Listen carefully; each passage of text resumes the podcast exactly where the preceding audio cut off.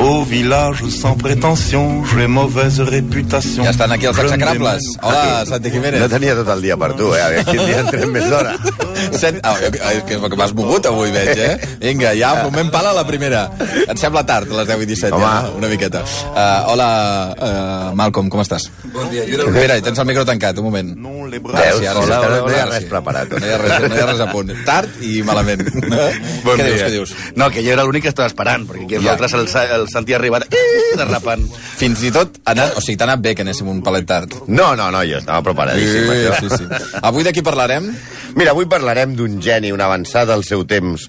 Senyor extraordinàriament dotat pel dibuix, la pintura i l'escultura, Sí. però al qual els diners el tornaven boig. No, no hi havia cosa que li agradés més. Un artista amb majúscules que va utilitzar l'excusa de l'excentricitat per justificar tota una sèrie d'accions que comeses per una persona normal serien motiu de vergonya eterna. Però clar, eh, eh, que ell era excèntric i com era excèntric se li permetia tot. Parlarem d'un agòlatra, simpatitzant feixista, passater, reprimit sexual, aprofitat, covard, falsificador, avar, acomodat i timador. Però també l'inventor de la moderna cultura de masses, el millor publicista del món de la seva persona, un geni del màrqueting i i el primer gran artista que va compaginar el rendiment econòmic amb la qualitat. Un senyor tan genial que és indesxifrable.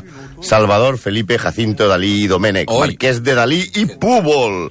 Un personatge tan execrable com sensacional. Ningú ha dominat l'escena millor que aquest nen de Figueres, que als 6 anys va dir que volia ser cuiner, als 7 va escriure al seu diari que volia ser Napoleó i que va acabar assegurant que l'única diferència entre un boig i jo és que jo no estic boig. Oh, quina gran frase. És que...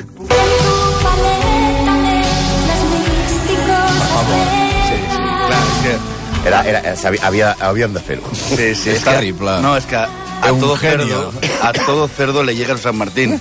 I perquè hi ha homenatges tan cruel com aquest de Mecano, pels de l'ESO, el grup que va inspirar la teva mare a vestir-se cada divendres a la tarda com si fos Halloween, en aquelles fotos que mai et deixa veure.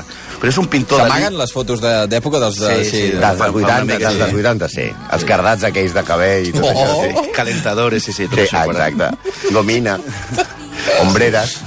Ui, ombreres. Sí, clar, però tot això dels 80 ho diem perquè, lo de Mecano, perquè Dalí és un pintor que motiva rimes com aquesta. Con bayonetas y con tetas, y en tu cerebro gala, Dios y las pesetas. Buen catalán, anacoreta. Oh. Toma, o ve aquesta. Como si fuese una olla express y es el vapor que va saliendo por la pesa, mágica luz en cada queso. Va? Rimar cada que és amb una olla express, em Eh, sembla. eh, si s'han de tenir com a cebes. Sí, sí. Bueno, però tornem a Dalí, va. Sí, sí, hem de tenir en compte que els inicis de Dalí no van ser fàcils. Li van posar el nom del seu germà gran, mort al- als 9 mesos, i ell va creure sempre que era la reencarnació del difunt. Els seus pares no van ajudar massa, doncs el portaven des de ben petit a visitar la tomba del seu germà i li deien que ell era el substitut del nen mort. Ja, amb aquests precedents no era estrany que Dalí portés una vida familiar que convertiria en normal les relacions de, família dels Rocío, de la família de Rocío Jurado. Dalí, quan es va casar amb Gala, per exemple, perquè tingueu un exemple, obligava els seus familiars a aixecar-se i aplaudir-la cada cop que entrava al menjador. Hosti, quina feinada. eh? No, home, no, clar, imagina't allò que et ve el nen i diu papa, a partir d'ara que- aquesta senyora quan entri aplaudiu. clar, és una cosa.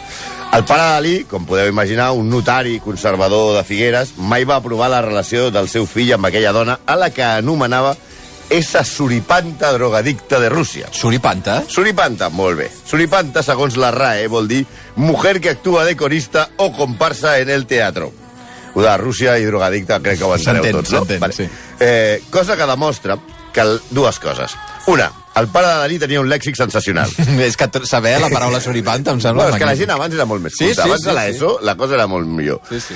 I, de, Hi havia més suripantes, també. i a més, ah, igual ten, tenia connexions suripantils.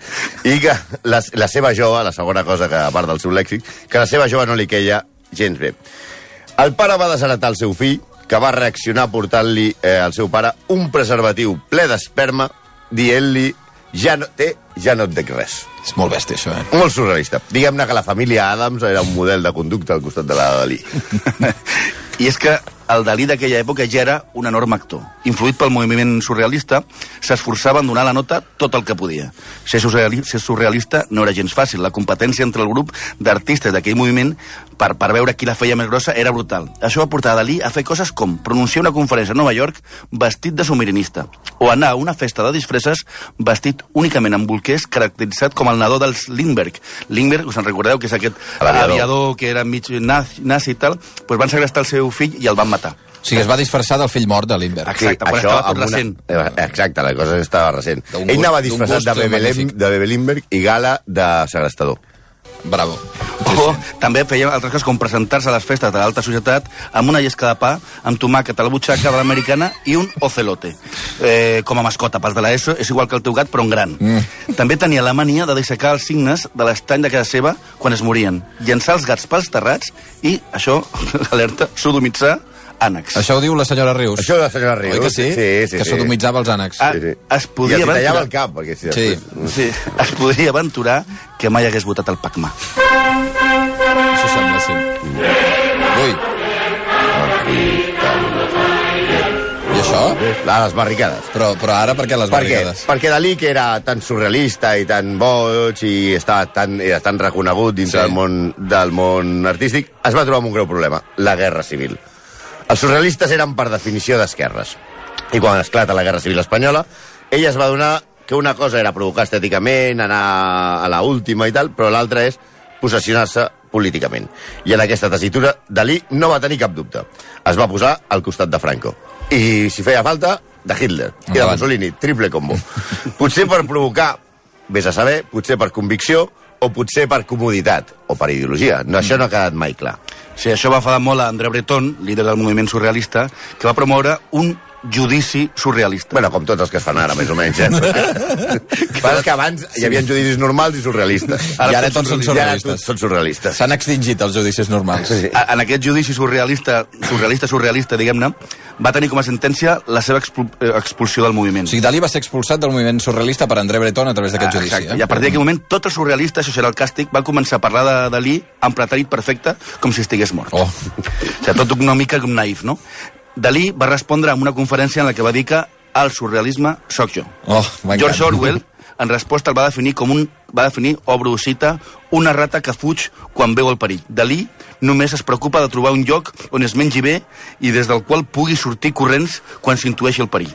Això tanca la cita. De fet, Dalí va, eh, es va desentendre dels intel·lectuals d'esquerres eh, en, el que va, en els que va créixer a la famosa residència d'estudiantes de Madrid i que defensaven la república i a la que va poder i a la que va poder va marxar pitant a Amèrica. La guerra, de veritat, no anava amb ell.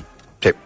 No va tornar a Espanya fins que Franco ja havia guanyat la guerra i el Generalíssimo estava plenament instaurat. L'any 1977, amb una entrevista que concedeix a Baltasar Porcel, i- amb Franco ja mort, eh? Mm? Es respon a Porcel el següent. No digamos que yo admiraba poco o mucho a Franco, digamos que lo admiraba bastante. Y todavía lo admiro, so- sobre todo porque para mí era una especie de don Tancredo. Franco tuvo una sangre fría extraordinaria, fue un ser impasible, único en la historia contemporánea. Y mire qué final tan impresionante, que duró un mes o no sé cuánto tiempo. Qué voluntad tenía de no morirse, qué resistencia. Bé, això, venint de Dalí, és el que parlàvem al començament. La pàtina d'excentricitat li fa ho deia en broma o ho deia... Clar, s'estava- el dubte és- S'estaven fotent o la veritat ho pensava? Clar, però com ell era un tio que, portava, que anava vestit de submarinista al joc, doncs no, No, es pot saber mai. no podia saber-ho. Clar, hi ha molts que encara defensen que era un franquista aprofitat. Mai sabrem la veritat, però, per exemple, les seves relacions amb el dictador eren, eren, eren evidents perquè es veien molt sovint. Li va fer un retrat a Carmen Martínez Botriu, aquesta senyora que després es casa amb antiquaris vells i expresidents del Racing i surt a Mira quien baile, a cavall, o sigui, un retrat equestre que va pintar i li va regalar a la neta de Franco. Potser era per fer com feia Velázquez o Goya, que pintaven i se n'enfotien d'ells.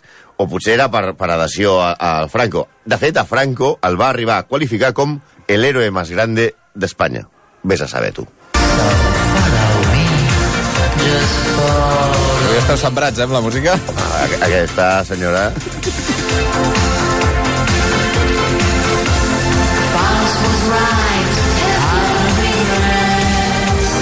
És que si, si Dalí era rareta en la política, en el sexe era per jugar-hi cadires. Ui.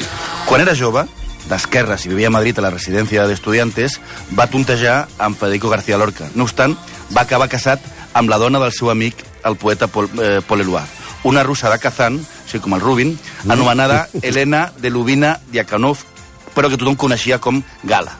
Una senyora enigmàtica amb la que va mantenir una relació de parella sense contacte sexual. Ah, sí? Sí, sí, sí. I en la que tenia un pacte pel qual ella podia tenir amants sempre i quan ell pogués observar les seves relacions i masturbar-se amb unes sessions que anomenaven els cabarets sexuals dels dimecres a la nit. Hi ha gent que el dimecres a la nit veu el foraster i hi ha gent que se la pela veient com a la Va. seva l'enstatrillen. Va, Bueno, tira. ell, ell explicava, i ho, i ho explicava a, a, la seva, a, en diverses entrevistes, dejo que Gala tome amantes cuando quiera. Yo la ayudo porque eso me excita, deia el pintor que considerava que Gala era la seva raó de viure. En realitat, s'estimaven moltíssim. Mm. Era una, una, una relació gairebé de dependència. Però no podia mantenir relacions amb ella, per què? Perquè, segons Dalí, Gala és una diosa i no puede ser manciada, com a mínim per ell.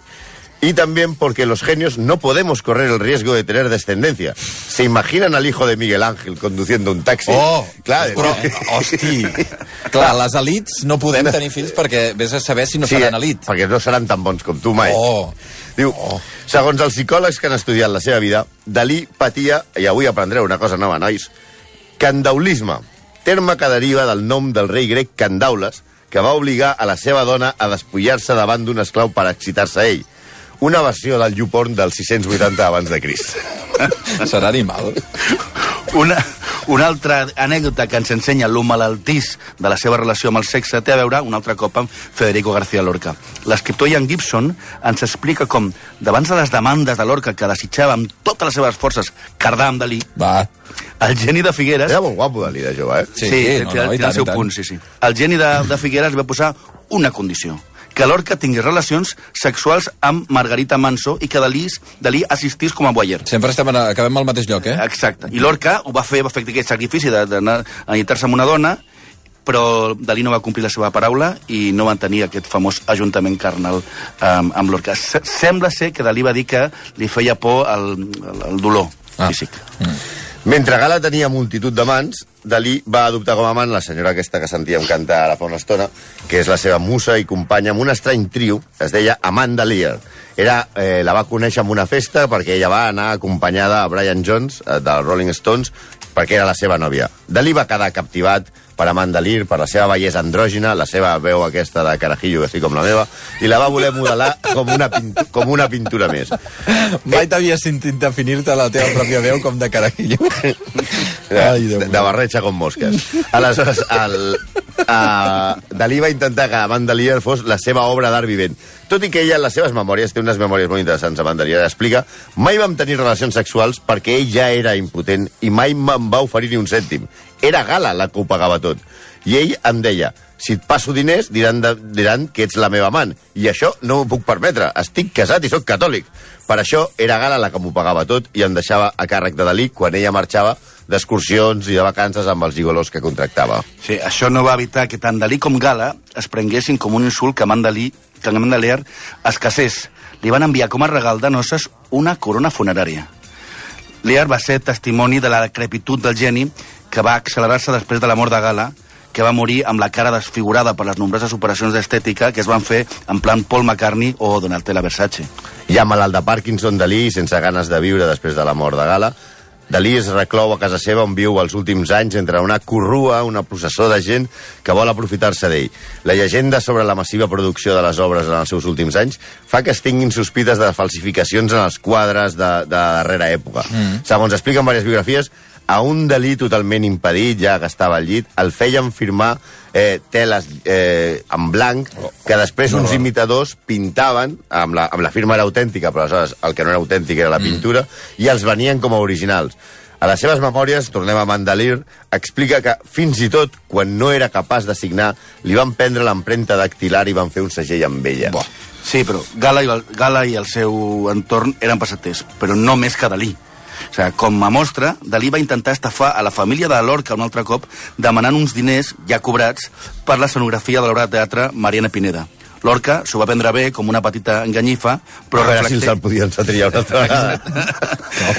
però, però reflecteix la obsessió de Dalí pels, pels diners. No és casualitat que en Debreton publiqués un anagrama despectiu quan va trencar la seva amistat, segons els quals desordenar les lletres del nom per anomenar-lo Àvida Dòlars, un altre execrable més avar que l'oncle Garrepa. De fet, eh, Dalí li va vendre un pèl del seu bigoti a Yoko Ono per 10.000 dòlars. Oh, espectacular. Bueno, Yoko Ono també. Ja sabem que ja tonta i tenia la culpa de tot. En- endavant, endavant. Dalí va morir el 1989 després d'una llarga agonia que es va veure empitjorada per uns desconcertants incendis a casa seva que mai es va aclarir si van ser fortuïts, una imprudència del servei que el cuidava o un intent de suïcidi per part d'un home que sempre va actuar i el que mai sabrem si era... no podríem desxifrar mai. Sí, només Gala el comprenia i probablement alguns amics de tota la vida, de Figueres o Cadaqués, que sempre han defensat això que deia abans el Santi, que Dalí es van fotre a tothom i que va representar un personatge excèntric que el permetia fer qualsevol cosa batada a les altres persones. I de pas, i de pas, fer-se milionari. El, és espectacular les llegendes que corren al voltant de Dalí, perquè alguns oients ens envien algunes. La Gina diu, sembla ser que Dalí no tenia sexe perquè el seu pare li ensenyava fotos de malalts sifilítics i que això el va obsessionar. Però vaja... un, un tio que sabia la paraula suripanta, jo me'l veig capaç de, de, de dir Tot és possible. Ah, Dieu-me dos llibres imprescindibles el de, per el de entendre Gibson, no? El de Gibson, que és, diguem-ne, és el, eh, on ho diu tot i a més entra la seva vida, vida sexual, aquest és, aquest El, és el Lorca Dalí, Lorca Dalí. el amor que no pudo ser. Sí, i, home, i el de Víctor Fernández, no? Bueno, el de Víctor Fernández, que va, és una, una correspondència que es diu mm, Querido Salvador, querido, Lo- querido Lorquito. Aquí s'entén com és la relació Lorca-Dalí, és molt interessant. déu nhi uh, Santi, Malcom, teniu clar la setmana que ve o ens ho trobarem amb sorpresa? No sé, podem fer Lindbergh, no? Sí, mira, sí, sí, sí me gusta, que todo venga pensado. Si no, rumeu-vos-ho. Passen 3 minuts de dos quarts d'onze al matí. Gràcies. Tout le monde viendra me voir pendu, sauf les aveugles. Dia lliure, amb Xavi Bundó.